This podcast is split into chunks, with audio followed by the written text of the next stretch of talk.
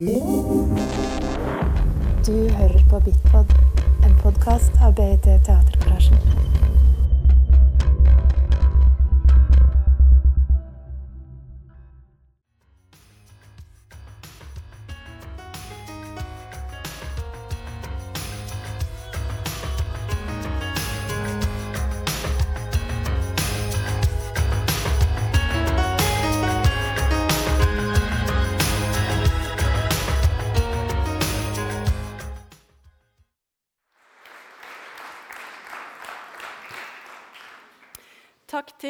Walk of Shame, til informasjon bestående av eh, som dere kanskje har skjønt, 50% teatervitere. For å åpne konferansen Teatervitenskap, historiografi, teori og praksis har vi med oss prorektor ved Universitetet i Bergen, Margaret Hagen. Vær så god.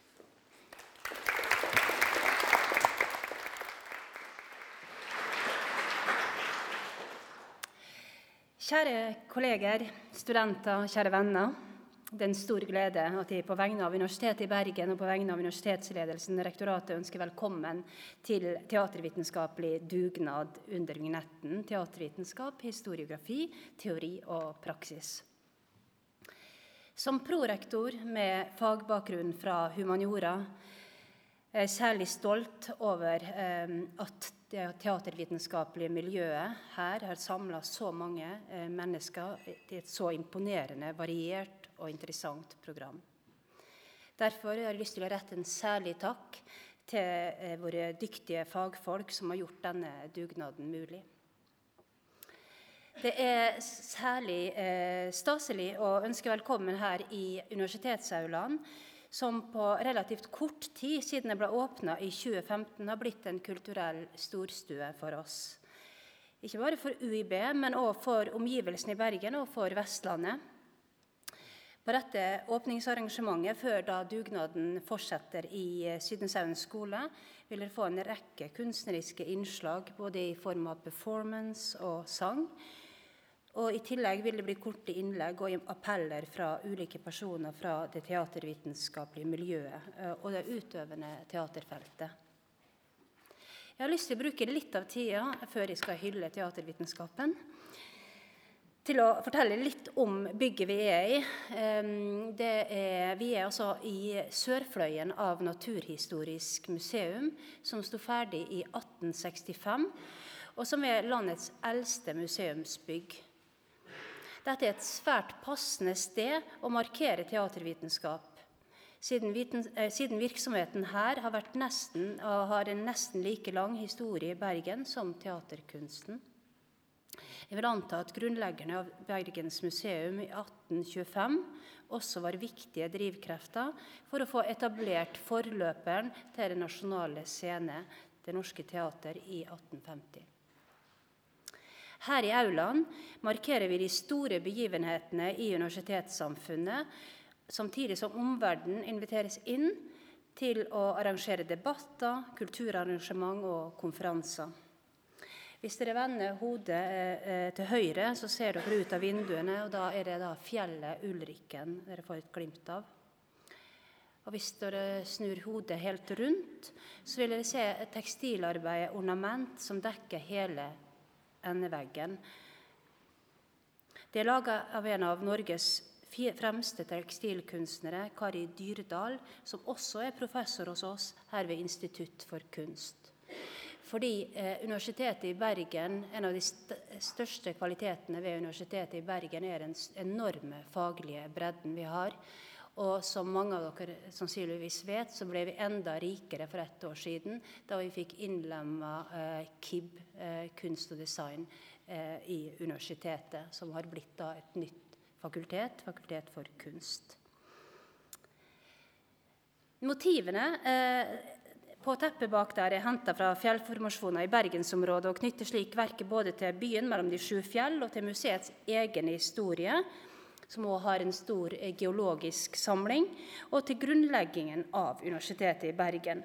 Så vi kan trygt si da at hele universitetets historie, byen og de sju fjellene i ryggen, når, dag, når dere i dag samles til dugnad eh, for teatervitenskapen. Universitetet i Bergen som sagt, spenner veldig vidt.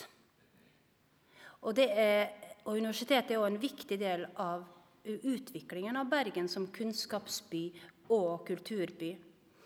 Jeg pleier ofte å gjenta og si, og jeg tror det er viktig at vi er bevisste, at Universitetet i Bergen er Vest-Norges viktigste kulturinstitusjon. En av UiB sine adelsmerker er den store faglige bredden som spenner fra de naturvitenskapelige fagene til de historiske og juridiske fagene, fra medisin til matematikk til logikk til statsvitenskap, psykologi, gresk, musikk, farmasi osv. osv. Denne faglige bredden er en enorm ressurs, en enorm kvalitet, en enorm styrke. Ikke bare fordi den gir oss en mulighet til å røkte fagene og til de røkte disiplinene og til å forvalte de, som er et stort ansvar, men også fordi den åpner for en kombinasjon av fag i forskninga vår og i undervisninga. Den åpner for sterk, original og framtidsretta forskning og utdanning. Det er en enorm ressurs for universitetet. I tillegg er det en tverrfaglig driv og Det er noe annet da som kjennetegner Jeg snakker en del om forskning, fordi det er, som prorektor så er det forskning og forskerutdanninga som en del av min portefølje, som vi kaller det. Um, det som kjennetegner dagens forskning, er det tverrfaglige drivet, men det er òg det at den er tettere integrert i samfunnet rundt oss. Det nærmer seg ofte praksisfeltet. Og teatervitenskapen har alltid vært slik i et tett eh, forbindelse med praksisfeltet. UiB kjennetegnes også av et stort, stor bredde, stort antall humanistiske fag. Vi forvalter Norges nest største humanistiske forskningsmiljø. Både når det gjelder bredde og når det gjelder størrelse. Med sin 50 år gamle historie ved UiB har teatervitenskapen en viktig plass ved det humanistiske Bergen. Og Selv om det er et forholdsvis ungt akademisk fag, har teatervitenskapens fagfelt, teater i alt sitt mangfold, lange og sterke tradisjoner. Litterært, seremonielt, retorisk, i skolen ikke minst, og også selvfølgelig på teaterscenene.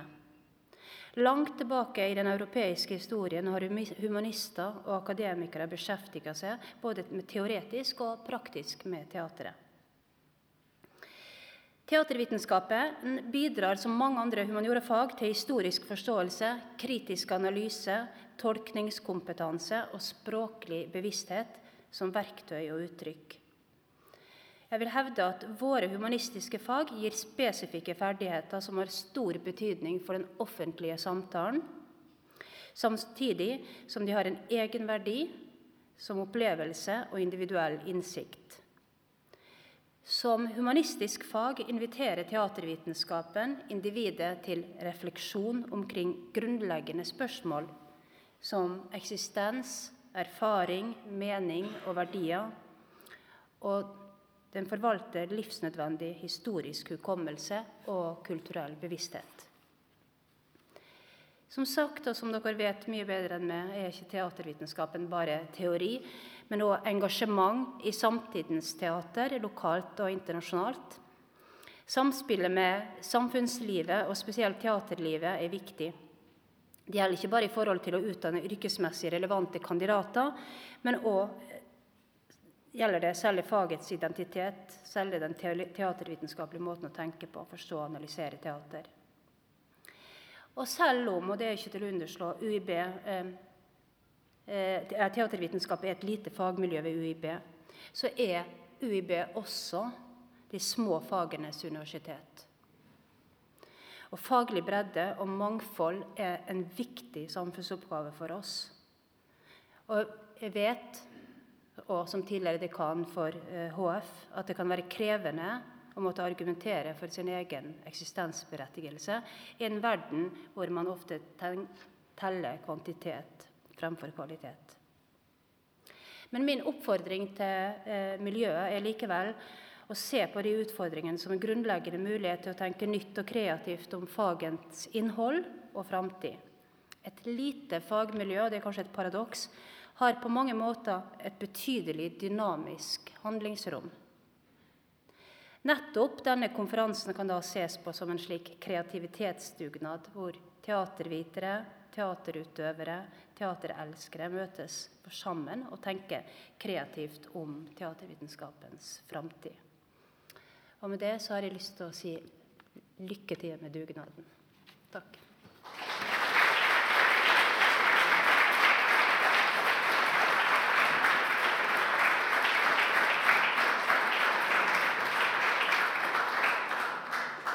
Takk for fine ord.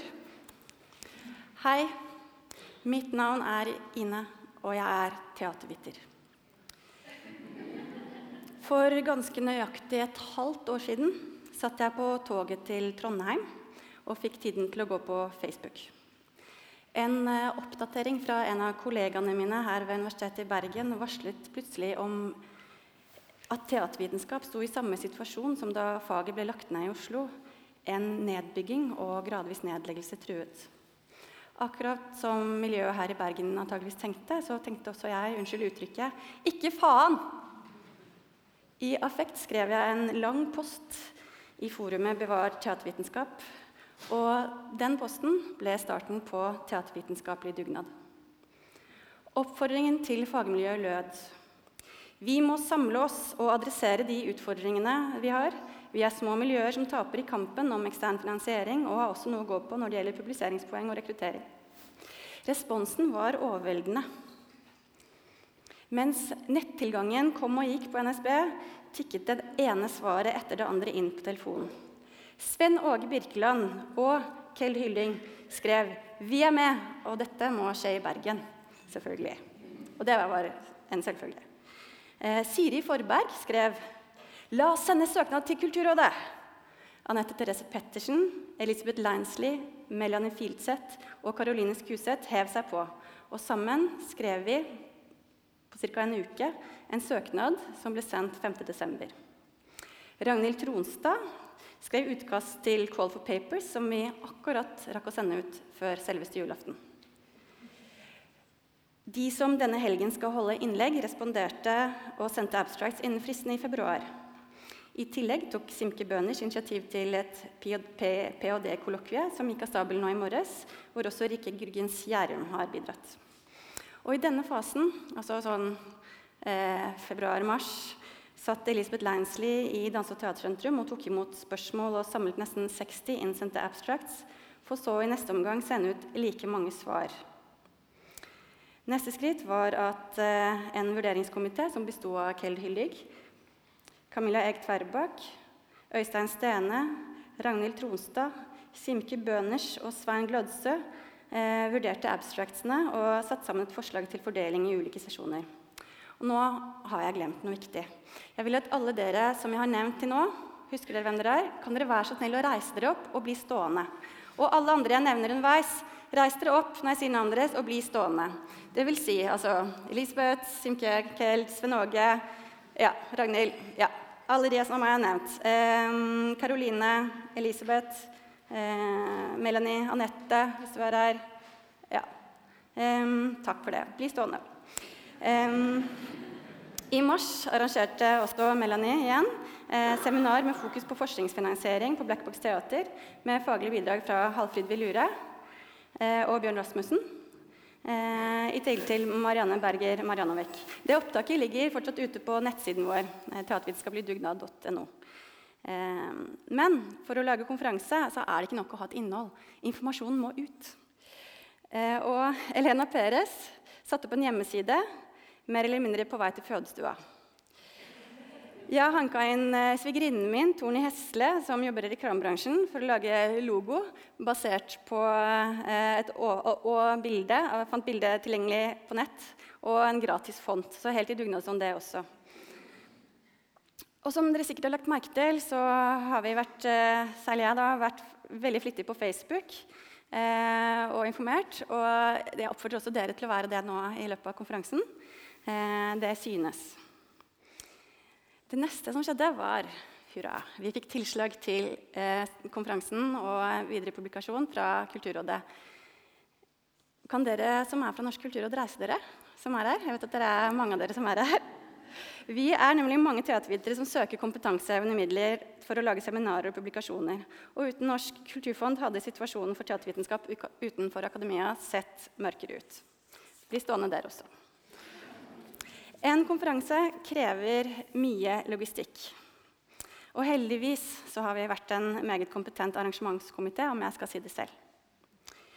Idun Vik har designet programmet og tatt imot påmeldinger sammen med Ingrid Ellestad, som har vært produsent. Begge i kraft av samarbeidet vårt med BIT Teatergarasjen. Teatervitenskap ved UiB er vertskapet vårt. Og Kjell Hyldig og Ragnhild Jefsen har effektivt holdt i alt det praktiske. Rombestilling, catering, programprint og mye mer. Og takket være instituttledelsen ved LLE har vi fått husrom oppe på Sydnøyshaugen eh, og trykte program. Vi kunne ikke fått et bedre vertskap enn det vi har fått her.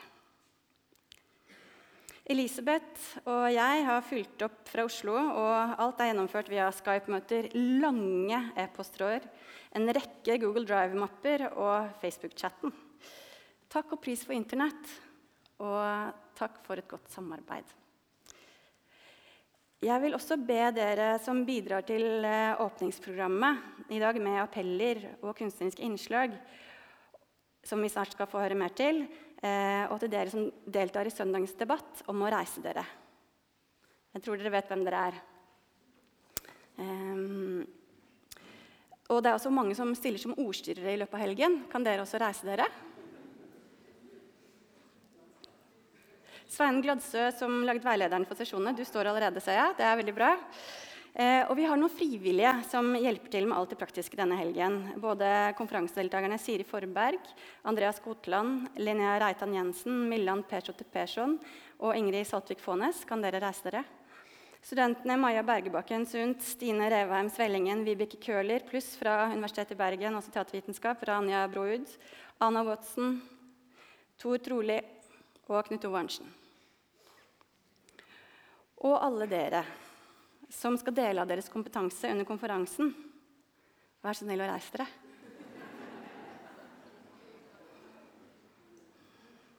Det er ikke så veldig mange som er igjen.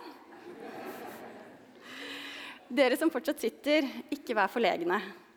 Om det er én ting man må ha i akademia så vel som i kunstfeltet, så er det dugnadsånd. Så neste gang er det deres tur. Nei, Skythaug. Alle dere som har meldt dere på konferansen, vær så snill å reise dere.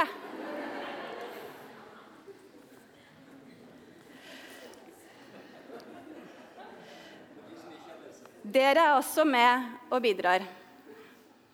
Tusen takk, alle sammen, for at dere har bidratt, og for at dere er her. Dette er et unikt prosjekt, og det er dere som gjør det unikt. Og før jeg eh, avslutter og gir ordet videre til professor i teatervitenskap Kell Hyllig, vil jeg komme med et sluttord. Se rundt dere. Det er vi som er teatervitenskap. Og vi er mange. Sammen kan vi gjøre fremtiden lys for teatervitenskap i Norge. Hvis vi backer hverandre og utfordrer hverandre og samarbeider, både innenfor akademia og på tvers mellom akademia og scenekunstfeltet. La denne konferansen være en ny giv og sette standarden for hva slags fagmiljø vi ønsker oss. Takk for oppmerksomheten så langt, og så ønsker jeg dere noen fantastiske dager i vakre Bergen. Og gir ordet videre til Kell.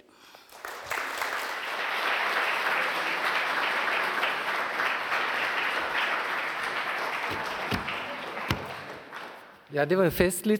Jeg er nok ikke så festlig, men allikevel så må jeg slutte meg til velkomsten. Og det er en veldig stor glede å få lov å være med på å by dere alle sammen velkommen til denne teatervitenskapelige konferansen, som selvfølgelig skal handle om, som Margrethe Hagen, prorektor, allerede så tydelig har sagt, skal handle om teatervitenskap, hvordan vi kan styrke og videreutvikle teatervitenskapen som fag.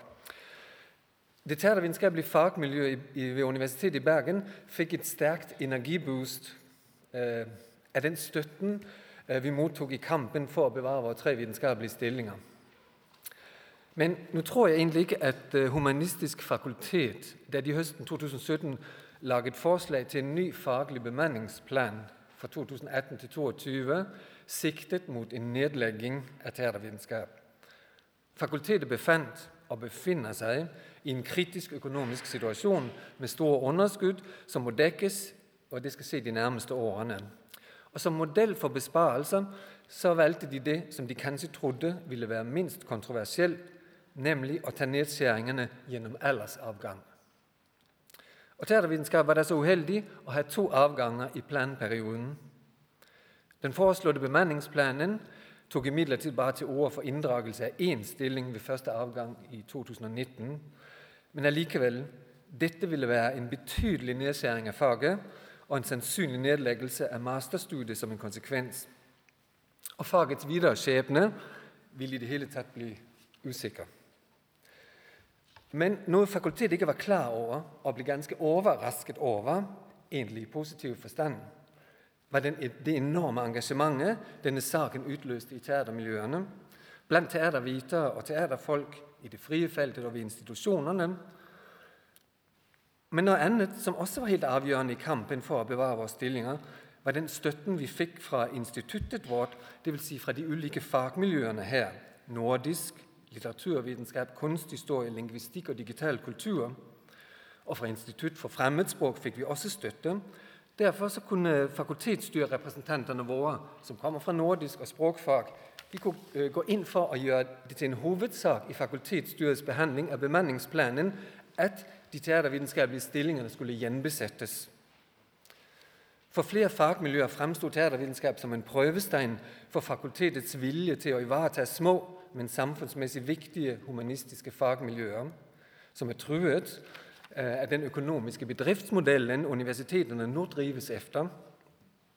I fakultetsstyret fikk vi også støtte av flertallet av studentrepresentantene, som kommer fra andre fag enn teatervitenskap, og de ble faktisk helt avgjørende for sikringen av flertallet for bevaring av våre stillinger.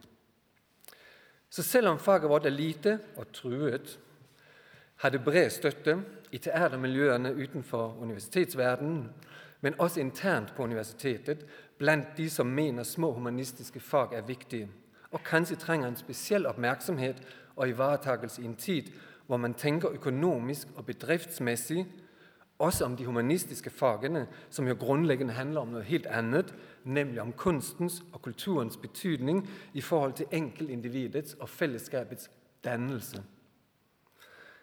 Jeg ser frem til de kommende dagenes faglige arbeid, men ikke minst ser jeg frem til dialogen og diskusjonene om fagets videre utvikling, og om hvordan vi kan styrke teatervitenskapen både som akademisk fag og som fag med betydning for det utøvende teater, for kultur- og samfunnslivet i det hele tatt. Så dermed ønsker jeg at vi alle skal få noen gode og eh, verdifulle dager. Og enda en gang velkommen.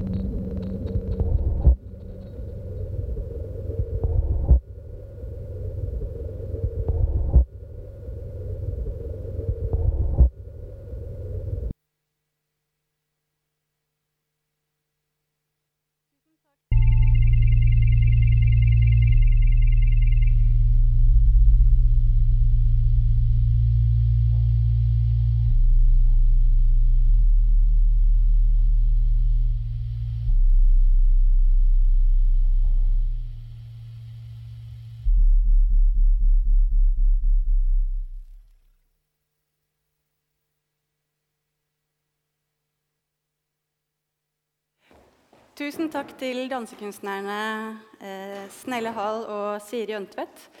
Også 50 teatervitere.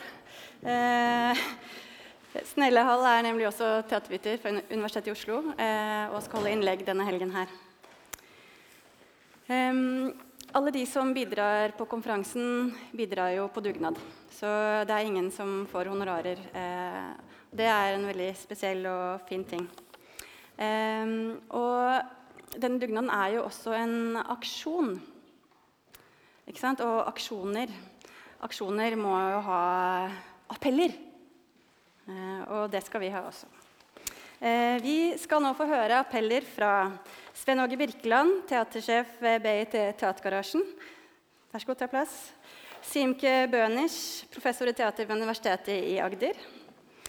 Barbro Rønning, dosent i dramaturgi ved NTNU.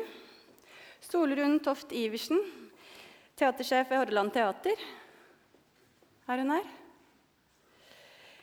Melanie Filseth, teaterviter og dramaturg ved Blackbox Teater. Anna Watson, stipendiat ved Universitetet i Bergen. Svein Glødsø, professor i teater ved NTNU og Jørgen Knutsen, scenekunstkonsulent i Norsk kulturråd. Og da eh, er det Svein Åge Birkeland som skal få lov til å begynne. Holde første appell.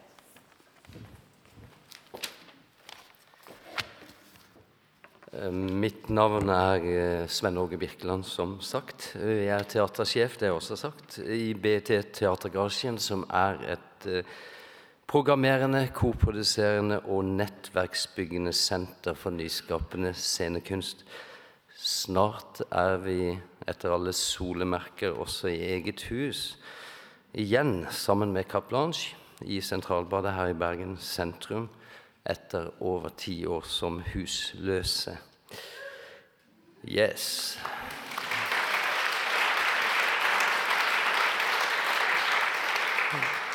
Jeg understreker sannsynligvis. I tillegg til et sesongprogram eh, er vi også ansvarlig for scenekunstbiennalen Meteor og dansebiennalen Oktoberdans. Og selv har jeg min faglige oppvåkning, oppblomstring og opplæring på Teatervitenskapelig institutt ved Universitetet i Bergen i Villaveien 5 på 80-tallet, tenkte jeg da. Ok, la oss begynne. Blir verden et bedre sted gjennom å befolke den med flere teatervitere? Dynner-Krüger-effekten er fenomenet hvor en inkompetent person er for inkompetent til å forstå sin egen inkompetanse. Noen vil vel hevde at nettopp sistnevnte fenomen er fremtredende når vi snakker om en teaterviter eller teatervitere. Vi har de som hevder de er dramaturger, men knapt kan stave begrepet. Eller de som sier de er produsenter, men kun kan sette på TV-ene. Men herre min hatt, man skal ha lov til å prøve seg, feile og prøve igjen. Og eh, over tid få utvikle en kvalitet, en fagsignatur altså bli god gjennom å trene og perfeksjonere seg. Og Til det trenger man et operativt felt, et arbeidsmarked med flere operatører og tilbydere. Trøsten og poenget er vel at teaterviteren er som soppen. Man blir rett og slett ikke kvitt oss, uansett hvor hardt det prøves. Dessuten er teaterviteren overalt. En uvurderlig og helt avgjørende bestanddel for at vi skal kunne fortsette å vokse og utvikle oss som felt og aktiv offentlighet. Derfor er det også utrolig gledelig å se så mange her i dag som bryr seg om en fag som mange anså som nesten ferdig, ute vekk, ikke viktig nok, tapt for fremtiden for bare få måneder siden. Det nyttet å kjempe. Eller la meg si det på en annen måte Det nytter å kjempe for noe man tror på. Og fremtiden er lys, siden det i økende grad, spesielt i den media- og offentlighetskulturen vi lever i i dag, vil være behov for oss. For faget, for teatret og for vitenskapen. Les gjerne teatervitenskapen. La oss aldri glemme det. Og for ordens skyld, de som egner seg best til noe, er ikke nødvendigvis best egnet til noe annet. Jeg vil slå et slag for helheten, feltets økologi, og oppfordre til mangfold. Noen skal være i dialog, noen skal skrive kronikker, noen skal lage teater. Andre bør reflektere på tvers av whatever grenser som måtte være der. Langt ut forbi teaterets felt. Jeg mener bestemt at vi sammen kan utgjøre en forskjell. Så mon tro om vi ikke trenger den lett naive, delvis Dunner-Krüger-baserte tilnærming sammen med en humanistisk basert, nysgjerrig og fandeninnvollsk innstilling til livet og scenekunsten, for å gjøre ikke bare verden til et bedre sted å være, men også faget og feltet mer vitalt og rikt, muligens mer synlig og effektivt også, enn hva tilfellet helt sikkert har vært de senere årene. Vi er de rette folka for en fremtid ingen kan si en dritt om. Takk for oppmerksomheten.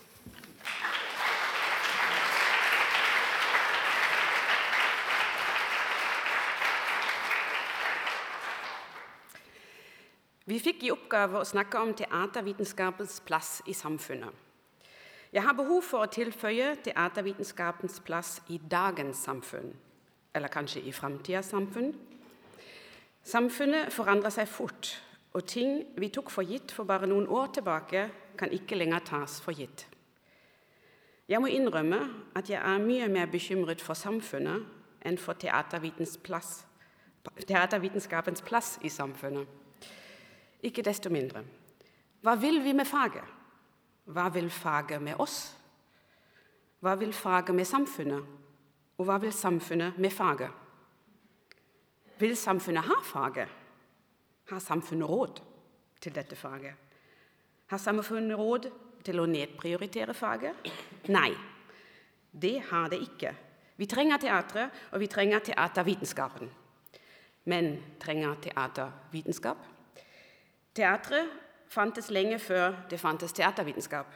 Teatret fantes også lenge før det fantes aviser og museer og Internett og kongeriket Norge. Jeg sitter på et hotellrom og skriver appellen. Eller jeg prøver å skrive en appell. Da tikker det inn en e-post med 'News from Performance Studies International'. Hvorfor holder vi fast i teatervitenskap? Hvorfor kaller vi det ikke performance studies? Eller kanskje scenekunstvitenskap? Nei, jeg er glad i teatervitenskap og et utvidet, men ikke utvannet teaterbegrep. Hva tenker dere?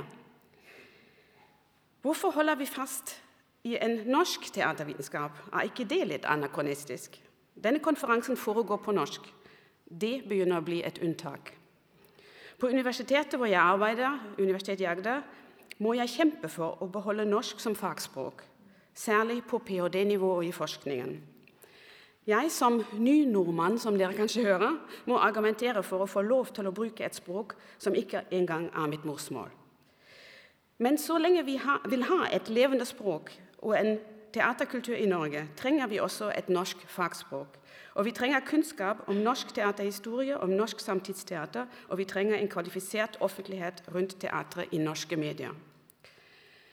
Forrige uke var jeg i Tyskland på en teaterfestival. Det var en festival med samtidsteater for barn og unge. Jeg satt i fagjuryen for å dele ut delstatens teaterpris, Nordre-Vestfalens teaterpris. Og vi, ja, jeg vil ikke si kranglet, men diskuterte intenst om kvalitetskriterier, om hva som er godt teater, hva vi vil med teatret, hva man kan og burde gjøre på scenen i dag, hva dette privilegerte offentlige rom kan og skal brukes til, ikke minst med hensyn til de utfordringene vi ser i dagens samfunn. Jeg antar at vi som er samlet her, er like uenige som vi var i den lille juryen jeg satt i i forrige uke. Og Uenigheten gjelder kanskje også hvordan vi ser feltet og faget. Men uenigheten er en styrke så lenge vi har rom til å møtes, og så lenge vi tar oss bryet med å bryte våre meninger. En viktig forutsetning for å styrke faget og feltet er å komme sammen på tvers av ulike utdanningsinstitusjoner og praksissammenhenger. Det er det vi skal gjøre her. Og jeg er meget takknemlig for at initiativtakerne for konferansen har stått på, og også arrangementkomiteen, og gjort dette arrangementet mulig. Tusen takk. Jeg er også glad for at så mange har møtt opp, og at vi har to intense dager foran oss som forhåpentligvis vil få opp en god del faglig uenighet. Jeg sa i starten at jeg var mer bekymret for samfunnet enn for teatervitenskapens plass i dagens samfunn. Men de to tingene henger selvfølgelig sammen. Når kunst og vitenskap generelt taper terreng, så er det et faresignal for samfunnet. Og da er det oss som driver med kunst og vitenskap, med teater og teatervitenskap, både i akademia og i mange andre sammenhenger, som må komme på banen i offentligheten. La oss være uredd, blande oss, ta opp kampen. Til syvende og sist ikke for teatret eller vitenskapens skyld, men for samfunnets skyld. Takk for oppmerksomheten.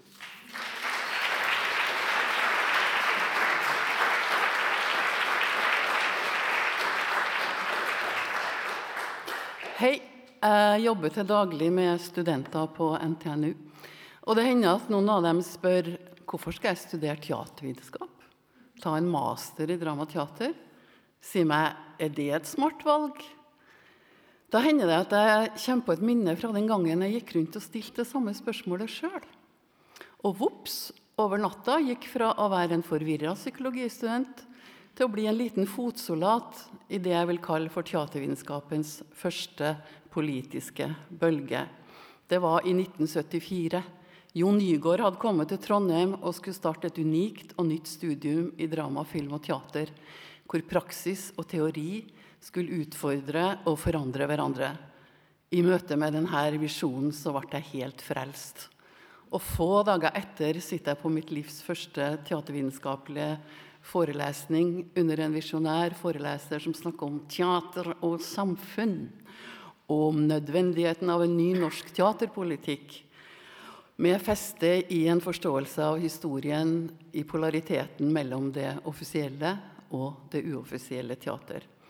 Så leste vi selvfølgelig Brecht Kleines 'Organon' og skjønte ikke så veldig mye, men det var ikke så farlig, for det var så forferdelig mye annet vi kunne gjøre. F.eks. arrangere gjestespill i Studentersamfunnet med Nationaltheatrets oppsøkende teater, som kom med pendlerne på besøk.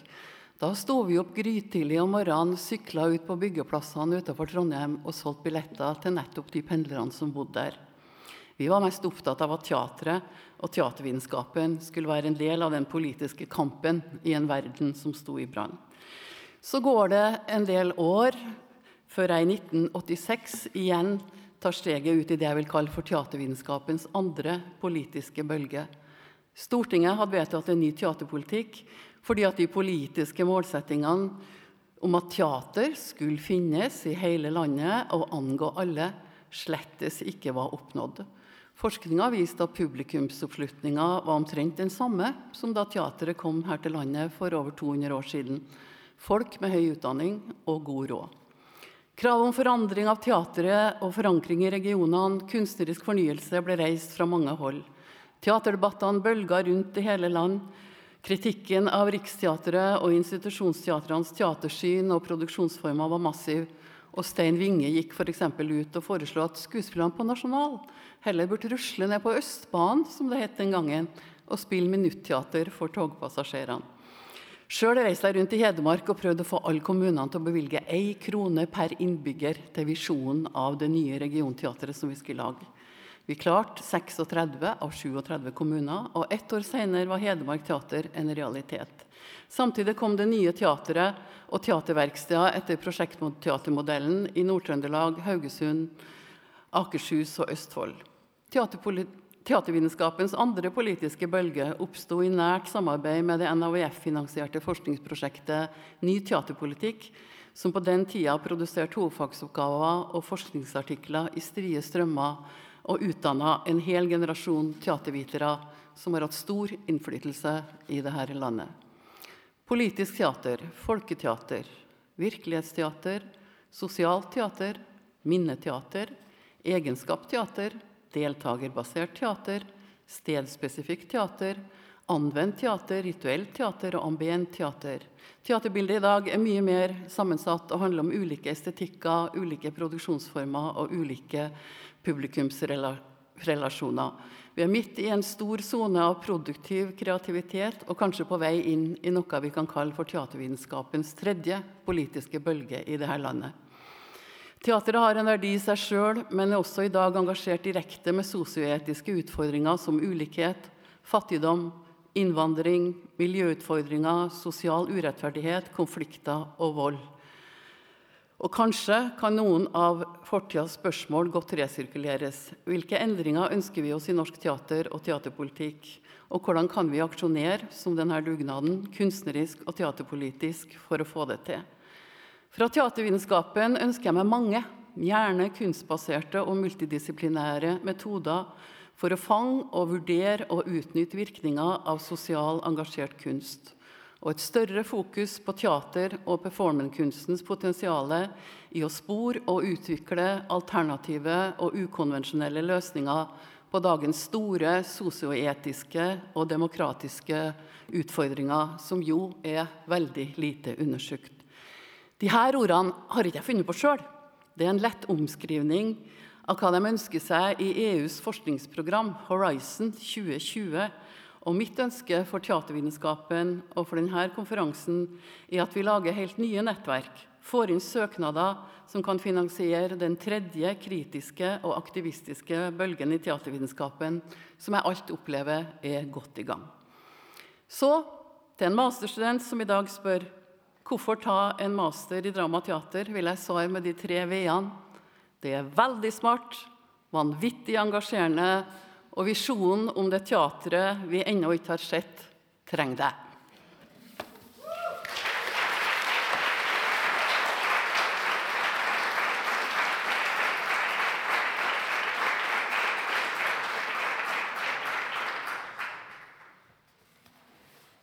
Hei. Så fint å se så mange fagfeller her i dag. Eh, mitt navn er Solrun Toft Iversen. Eh, jeg står her som mindre kundig i å lese Excel-skjema, for jeg kom litt for seint i dag. Det beklager jeg, men det var fint å høre eh, kollegaene her snakke. Jeg eh, er her først og fremst som teaterviter, men òg som dramaturg og som teatersjef. Og mine ord til dere i dag går egentlig mest fra den utøvende perspektivet. Jeg bruker teatervitenskap i jobben min, akkurat så mange av dere gjør. Akkurat som vi vet at det er med på å kvalifisere ikke bare dramaturger, men kritikere, utøvere, forfattere, forskere osv. Eh, og jeg bruker faget eh, på en måte som kanskje òg i mikroperspektiv kan si noe om fagets rolle i samfunnet. Eh, fordi eh, i et mik mikroperspektiv så bruker jeg veldig aktiv, en, aktivt en nærsynthet og et lengdeperspektiv, avstand. Eh, og den dynamikken er for meg viktig i arbeidet som dramaturg. Og jeg tror òg at det er veldig viktig at vi har et dedikert fagmiljø som er like møysommelig i å beskrive betraktningen og erfaringene som de som utøver kunst, og kanskje av og til er inne i, i ei boble og skal være det. For noen måneder siden så eh, sto jeg sammen med noen her nede på Cornerteatret. Eh, og vi var ganske på alerten i forhold til at fagmiljøet her i Bergen sto i fare. Og det var veldig lett å engasjere seg da eh, fra et utøvende, praktisk perspektiv. For akademia og kunsten henger sammen. Og selv om eh, teatervitenskapen er mye yngre enn teateret, så er det vel eh, teatervitenskapen som har fortalt oss om hvor tett det hang sammen den gangen i antikken. Politikk, filosofi og teaterkunst. Og sånn er det òg med disse tre, pålene, føler jeg, at uh, teatervitenskapen er dermed ikke bare refleksjonen om, om teaterkunsten uh, og om prosessene våre, men absolutt òg refleksjonen om samfunnet og om menneskene. og forbindelsen mellom politikk, filosofi og kunst er en av de tingene som den akademiske diskursen kan fange opp. Og, for vi trenger den diskursen. Teater er umiddelbart veldig flyktig. Vi elsker det for det. Eh, det setter varige avtrykk. Men hvem skal beskrive og utvikle et språk for hva avtrykk det setter? Hvem skal eh, sette det i en sammenheng som forteller mer om hvor vi kom fra, hvor vi står og hvor vi er på vei. Og som mange andre har sagt i dag, eh, i samspill med resten av humaniora, så tror jeg at vi trenger teatervitenskapen òg til å si noe ikke bare om hvordan sivilisasjonen utvikler seg eh, i, eh, i teateret. Men òg hvordan det bygger sivilisasjon, og hvor viktig det er å beskrive eh, den funksjonen teateret har som fri ytring i samfunnet vårt nå. Det er ikke sånn at vi eh, verken i humaniorafagene eller i den utøvende kunsten utvikler veldig blaute verdier. Jeg tror egentlig det er hardcore eh, software til eh, de utfordringene som, som venter oss. Og det at vi har et språk for det, eh, tror jeg er veldig viktig å holde skansen for. For her kan det komme store kommunikasjonsutfordringer framover. Jeg tenkte når jeg gikk opp her at det kanskje var en litt liten krets som satt her, og spesielt interesserte. Eh, faget i Bergen er relativt lite, men alltid veldig fint å komme og besøke der. I dag er vi flere. Det er veldig gledelig å se. Eh, men man kan vel trygt si at vi er spesielt interesserte. Eh, og jeg tror at, er, at vi er spesielt interesserte, og at jeg står og snakker mye om hvor viktig det jeg syns at det vi gjør i teaterfeltet, blir sett, beskrevet og reflektert og kritisert. Det er ikke egentlig en uh, veldig selvopptatt holdning. Jeg tror det er viktig for mange, mange flere at vi gidder å fortsette med å være spesielt interesserte. Uh, og derfor så vil jeg bare si fint at vi er her. Jeg håper at det blir gode dager, og at eh, man kan bli bestyrka i sin betydning. Det er viktig, rett og slett. Takk for meg.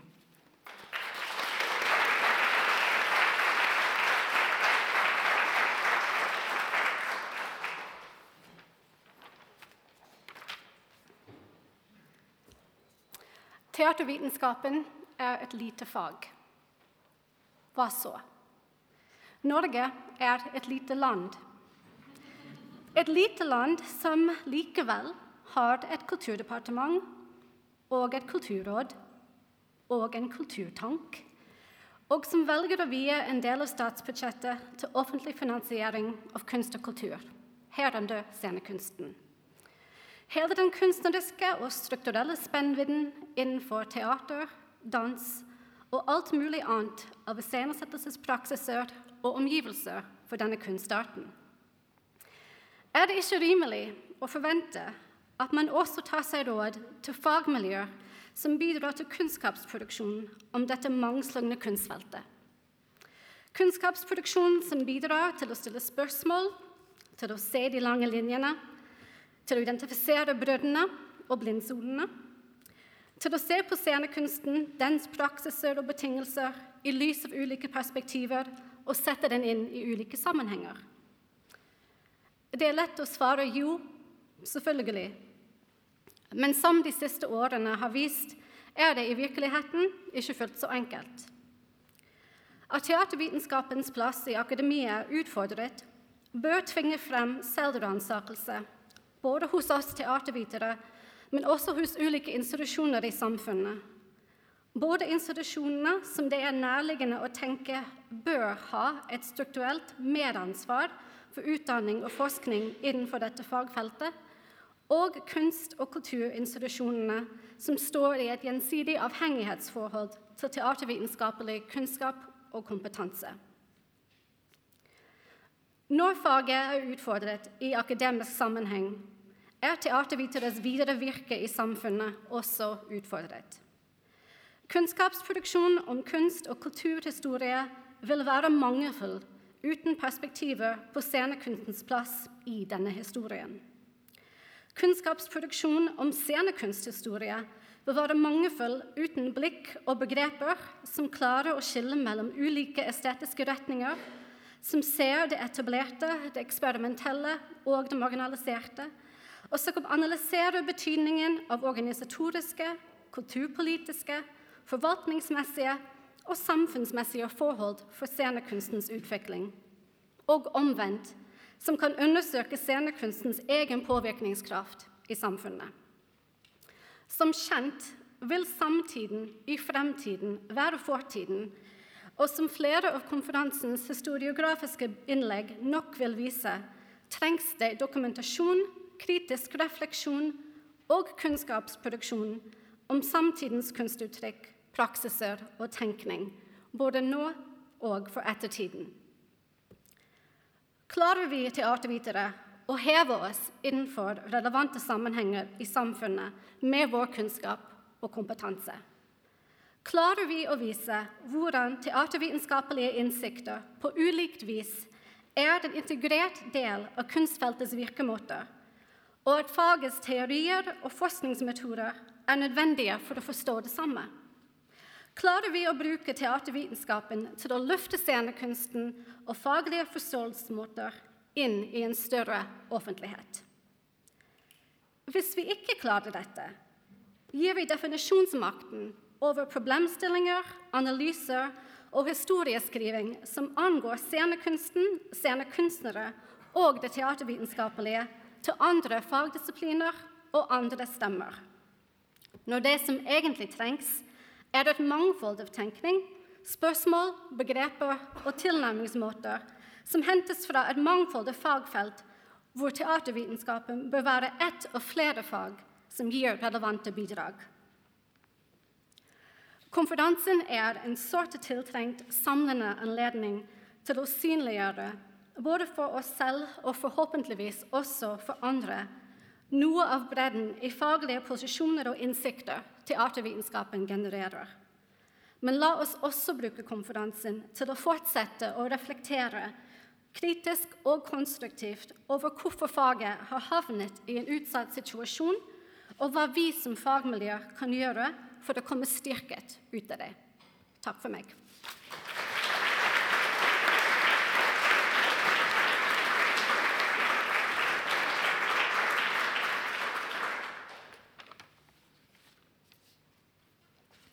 Mitt navn er Anna Watson, og jeg er en teaterviter her ved Universitetet i Bergen. Jeg tenkte jeg skulle si noen ting, men det ble kort. Fordi jeg er midt i en slags eh, ammetåke rundt min ph.d.-oppgave. Eh, I hvert fall. I Norsk teater- og Shakespeare-tidsskrift stilles spørsmålet trenger vi teatervitenskap. Umiddelbart synes jeg dette er et vanskelig spørsmål å svare på. Kanskje behovet for teatervitere er like flyktig som teateret i seg sjøl er forgjengelig. Men eh, denne forgjengeligheten Eh, denne hendelsen er jo planlagt. Den er iscenesatt og regissert. Dette kan vi som teatervitere si noen ting om. Denne hendelsen, denne, denne iscenesattheten, den kan vi si noe om. Og da, da slår det meg at våre begreper overføres og brukes til stadighet om hendelser og fenomener utenfor teatret. Vi spiller stadig roller i våre liv. Et godt gjennomført skirenn beskrives som en dramaturgi på sitt ypperste. Og politikere som Sylvi Listhaug opptrer foran kameraene. Teaterviteren Anne-Britt Gran snakker om at vår verden har blitt teatral. Hun drar frem Shakespeare sitt kjente uttrykk 'Hele verden er en scene'. Mens Unnskyld. Jeg er faktisk litt nervøs. Kjenner det. Um, uansett. Anne-Britt Gran sier altså at hele verden er en scene. Shakespeare sitt uttrykk, altså. Det er tale om hendelser. Hendelser rundt oss som tilsynelatende fremstår som autentiske, mens de i virkeligheten er planlagte. En iscenesatt autentisitet. Hva skjer når faget som begrepene lånes fra, forsvinner? Dramaturgen fra Rogaland teater, Michael Evans, ser på teatervitere som teaterets vaktbikkjer. Men når all verden er en scene, blir vi også voktere av teaterfagets begreper i utvidet forstand. I en stadig eh, mer mediert hverdag er det behov for å forstå de gjemte strukturene, hvordan samfunnet er regissert, og hvilke roller vi kan forestille oss er mulige å innta både på lokal, nasjonal og globale scener. Teateret er en møteplass. Der fremsettes ideer og narrativer. Der speiles samfunnet. Noen ganger spiller teater en rolle som premissleverandør. Da ideene som fremsettes, blir til et felles narrativ og til en selvforståelse hos publikum. Teatervitere er med på å forvalte teaterhistorien. Ibsen, Bjørnson og Bjørneboe er noen av få blant mange som har søkt å ta opp ideer i samtiden til debatt. De har brukt teateret som debattarena. Men det skjer en stadig utvikling i teatret. Knut Ove Arntzen er en teaterviter som er kjent for å sette ord på sceniske utvikling i tiden. Både på teateret og på performanceuttrykk her hjemme, men òg på sceniske fremstillinger utenfor våre grenser. Begreper som visuell dramaturgi, post-mainstream og pop-ambient brukes nå i internasjonale sirkler for å beskrive nyutvikling innen teaterestetikk. Vårt fagmiljø er lite, men det favner vidt. Hvis jeg nå stiller spørsmålet trenger vi teatervitenskap, kan jeg innrømme at min tvil i starten av talen var iscenesatt. Et retorisk begrep begrep? Et retorisk grep. Teatervitenskapen er kommet for å bli, og jeg gleder meg til å diskutere dens fremtid med dere her de neste tre dagene. Og Samtidig så vil jeg si at denne, denne konferansen er iscenesatt ned til den minste detalj. Til og med været er iscenesatt. Sol skinner på oss, sol skinner på teatervitenskap. Takk for meg.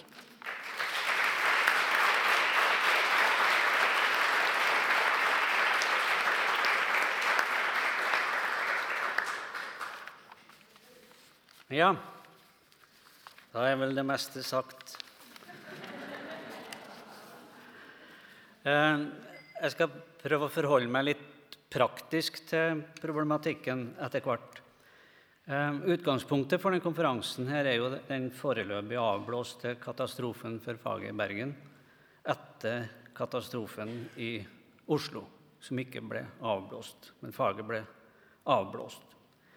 Og Den naturlige oppfølginga er jo en mobilisering for faget, og ikke minst en ny runde med begrunnelser for faget sin fortsatte eksistens. Og Det er jo noe vi er vant til å levere rundt programmer, stillinger, finansiering av prosjekter osv. Det er vi er også vant til å begrunne eksistensen av faget som sådan. Dette er altså kjent terreng for oss. Og det skjer jo f.eks. i den nylig annonserte og formidla anketen i Shakespeare-tidsskriftet. Det er åpenbart ikke noe problem med å få støttetilsagn og begrunnelser over en lav sko, internt og eksternt, som påpeker det absurde i å nedlegge hele eller deler av faget. Den kloke Kai Johnsen sier i anketen at kun et dilettantsamfunn kan klare seg uten et teatervitenskapelig fagmiljø. Og hva er da problemet? Eh, Iallfall på grunnlag av det vi da alle er i stand til å mobilisere av begrunnelser, og flere kommer til å komme i løpet av denne konferansen, her, så skulle det egentlig være umulig å legge ned faget. Men så skjer det likevel. Og jeg tror ikke det skyldes at vi er i et dilettantsamfunn. Jeg tror vi har litt lett for å glemme det faktum at iallfall universitetsfag, hvis en bruker det fagbegrepet, så er det noe som vedtas oppretta og potensielt også vedtas nedlagt. Vi har kanskje lett for å glemme at teatervitenskap er en historisk greie. Mange snakker, iallfall når det gjelder begrunnelsene, som om dette er en normaltilstand. Altså det er en naturlighet for et samfunn som ikke vil kalle seg et dilettantsamfunn, at vi har teatervitenskap. Men det er altså en historisk gitt greie i en del samfunn av en viss høy moderniserings- og differensieringsgrad, med en viss og gjerne høy, god økonomi, og med et batteri av andre beslekta institusjoner som er brukt bl.a. i nasjonsbyggings- og demokratiseringsprosesser. Og så har de institusjonene, eller de virksomhetene, endra litt karakter underveis og har omdefinert sine oppgaver og sitt samfunnsoppdrag. Men likevel så oppfatter vi egentlig at teatervitenskapen er den er i og for seg den samme. Det er mulig en Tor har et annet perspektiv på som han skal formidle i en av sesjonene. Men vi, vi har altså institusjoner som er danna Men uansett den faghistoria som som det faget er bygd på, så forvaltes faget nå av et annet kompetansepolitisk regime som vi ikke liker. Men det er prega av et nytt krav om relevans, bredde, produksjon og betydning. Og det som er kritisk i denne situasjonen, det er jo at den autonomien som vi har kunnet stole på, i dag er et tvega sverd og rammer oss sjøl sjøl med så gode faglige begrunnelser som vi altså mener at vi har. De bergenske teaterviterne satte fingeren på det dilemmaet før fakultetsmøtet 5.12.2017, da de i et innlegg på høyden skrev Forfatterne sitter i salen. Vi er vant til å måtte begrunne vårt fagområdes eksistens. Vi er ikke like vant til å måtte forsvare oss på samme måte internt på universitetet. Velkommen til framtida. Oslo var et varsel. Og problemet, sånn som jeg ser det, er nok ikke samfunnstilstand. Problemet er jo det at det ikke er et godt inngrep mellom det, som, det kretsløpet som så veldig greit lar oss begrunne faget for oss sjøl og vis-à-vis -vis våre partnere. Det kretsløpet på den ene sida og det kretsløpet der avgjørelsene om fagets ressursgrunnlag tas. Problemet er etter mitt syn knapt synlighet overfor faget, overfor teatret, overfor våre partnere. Problemet er kanskje i like stor grad at vi ikke er synlige internt. At vi ikke er til stede, at vi ikke har skapt oss innflytelse på det nivået som vi er så avhengige av. Og ut ifra det så kan en da antyde noen mulige strategier. En strategi som jeg mener faget Og nå snakker jeg kanskje ut ifra eh, en litt, litt smalt universitetsperspektiv. Men jeg mener at det er viktig for teatervitenskapen å fortsette å bygge relasjoner til en omverden. Og de relasjonene har vi.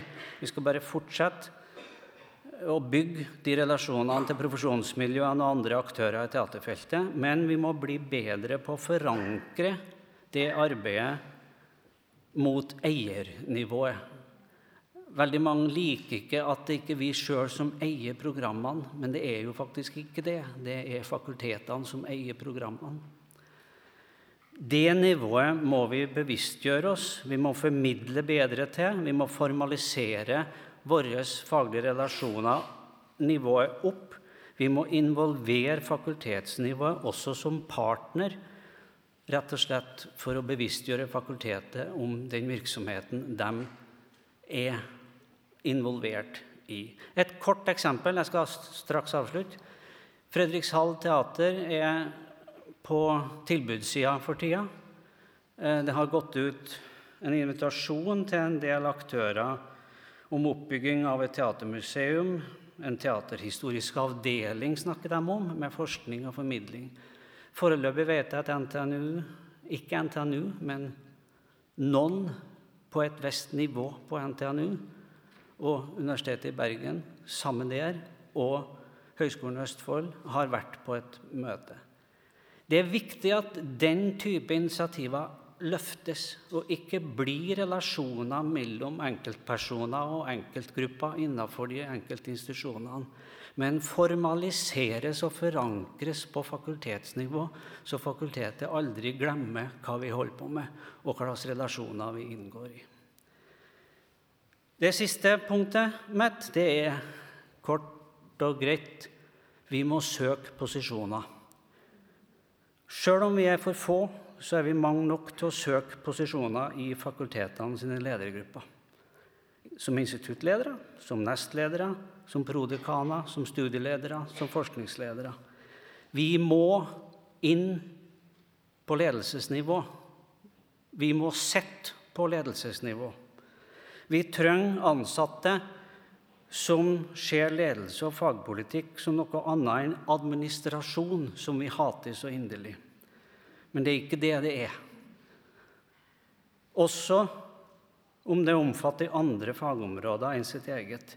Det er en måte å involvere seg i egen institusjon sin politikkutvikling. Det gjør vi ikke fra sidelinja. Det gir innflytelse, og det er det vi mangler. Og det er det vi mangler når vi skal ta tak i den etter mitt syn største utfordringa faget har, å reetablere teatervitenskap i Oslo innen ti år har gått. Takk.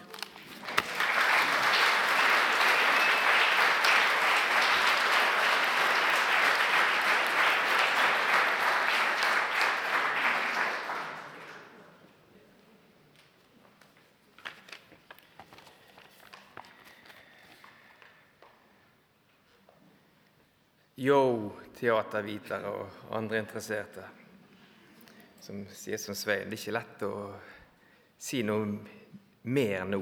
Masse gode analyser og refleksjoner og appeller allerede. Men uh, uansett. Faget er i en konkurransesituasjon og fremstår som en taper. Men som dere i dette rommet vet, så betyr det ikke at det ikke gjøres god vitenskapelig forskning. Like fullt står vi overfor en situasjon hvor både myndighetene og ikke andre ser ut til å forstå fagets relevans. Og Det tyder jo kanskje på at vi ikke helt klarer å synliggjøre denne relevansen godt nok. Derfor trenger vi denne dugnaden til å synliggjøre teatervitenskapen. Men det er også viktig at vi klarer å nå ut til flere, spesielt til makthaverne, sånn at ikke denne konferansen blir et ekkokammer. Vi som holder appellet her i dag, har mange forskjellige forhold eh, til teatervitenskapen og anvender kunnskapen forskjellig. Og Jeg vil dele noen av mine erfaringer. Da, da jeg ble ut Knallbra lydanlegg.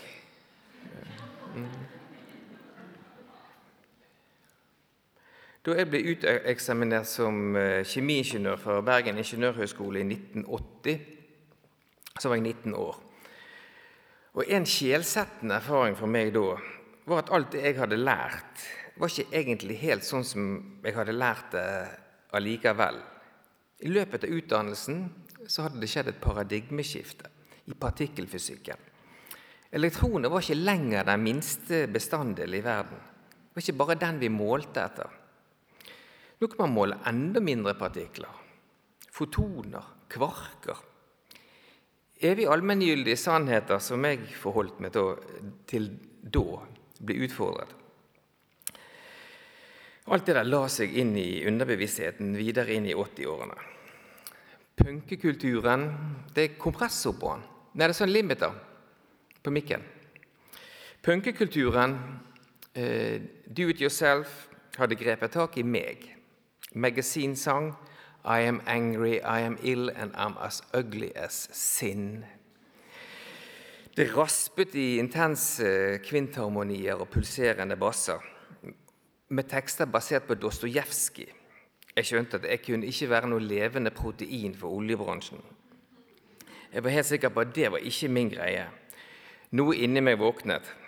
Etter å ha etablert et band som lå stor vekt på performativiteten i musikken, Musikk som like gjerne kunne spilles med hammer, vinkelsliper og sveiseapparat som gitar, bass og trommer. Så var løpet kjørt. Spesielt så elsket vi bandet Alle tiders duster å kle oss ut med søppelsekker og papirkostymer, sminke oss ekspressivt. Dette tidlig 80-tall. Og så møtte vi en fyr som drev på med eksperimentelt teater. Knut Ove Arntzen. Og så var vi i gang. Og det innledet noen samarbeid til, med, sammen med Alle tiders duster og Arntzens eget kompani Smugteatret. Jeg skal ta litt mer. Kort tid, kort tid etter så dro jeg til Berlin og kom i kontakt med ganske mange likesinnede. Og fikk et engasjement med Ramteater, eh, kompani som, hvor det kanskje mest berømte stykket var 7500 sekunder rush hour. Man slo ut hele veggen på teateret, som lå like ved muren, da, som var oppe på den tiden. Og så dirigerte man, omdirigerte man trafikken gjennom teateret. Og publikum ble sittende på hver side av veien og så noe som var noe midt imellom rushtrafikk og en scenekunstproduksjon. Jeg var solgt. Det var ulovlig, i hvert fall overskridende og opprørsk. Siden jeg hadde forelsket meg i eh, teatrale virkemidler knyttet til musikken, så valgte jeg da å studere teatervitenskap i Bergen. Et studium som tydeliggjorde teaterhistorien og ga perspektiver på det jeg sjøl holdt på med. Samtidig som jeg leste om greske drama, Artaud og Ibsen, så var jeg sjøl aktiv med egne prosjekter. Og mens jeg skapte egne historier og uttrykk, bl.a. sammen med Baktruppen, så var teaterhistorien alltid et relevant bakteppe, og teatervitenskapelig tenkning satte ganske mange ting på plass.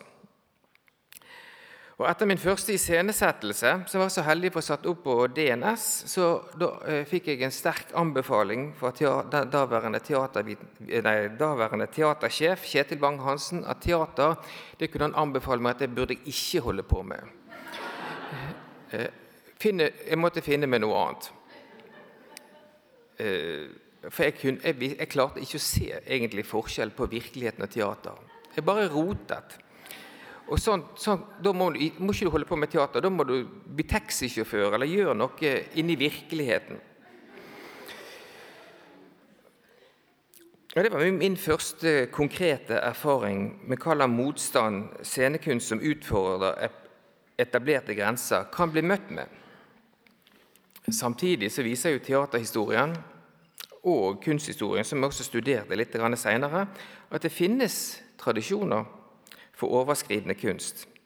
En kunst som utfordrer å skille mellom fiksjon og virkelighet. Og Ved å studere teatervitenskap og kunsthistorie så oppdaget jeg eh, verdien av hele tiden prøve å finne andre innganger til forståelse.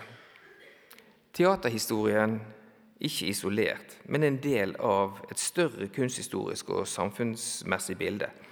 Det er viktig hele tiden å tydeliggjøre hvor integrert teaterhistorien er i dette større bildet, i kunst- og kulturhistorien. Det jeg prøver å si jeg har vært grådig heldig.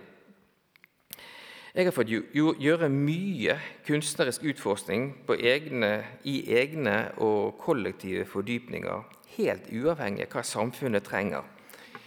Helt fullstendig uten kommersiell nytteverdi og med frihet hinsides markeds, markedsøkonomiske krav. Sånne muligheter man åpen, kan man åpenbart ikke ta for gitt lenger. Dette er verdier som står på spill. Tanken er ikke ny i denne sammenhengen, men allikevel mente jeg det var verdt å gjenta det. For å avrunde et tverrfaglig perspektiv det var tiltrekkende for meg som kjemiingeniør å gå inn i en annen type forståelse for hva vitenskap kan være. Det fikk gjennom teatervitenskapen.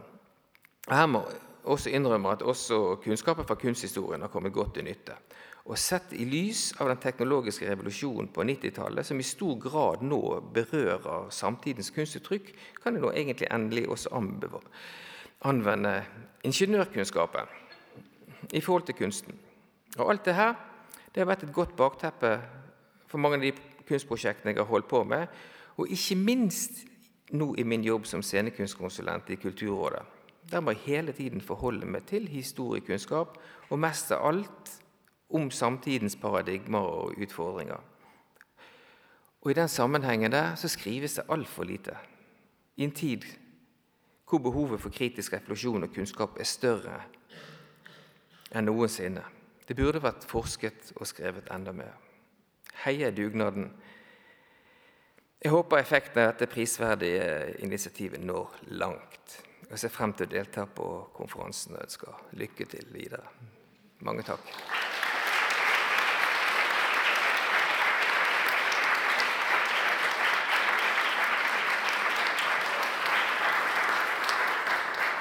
Tusen takk, Svein Åge, Simke, Barbro, Solrun, Melanie, Anna, Svein og Jørgen, for eh, gode ord. Det skal vi ta med oss videre inn i konferansen.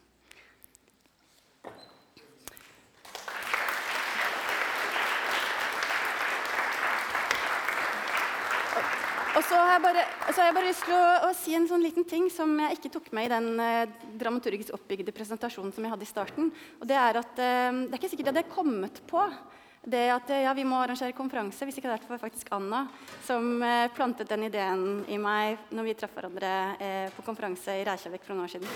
Så eh, takk for det. Mm. Og så vil jeg bare invitere til en sånn liten sånn bildeanalyse.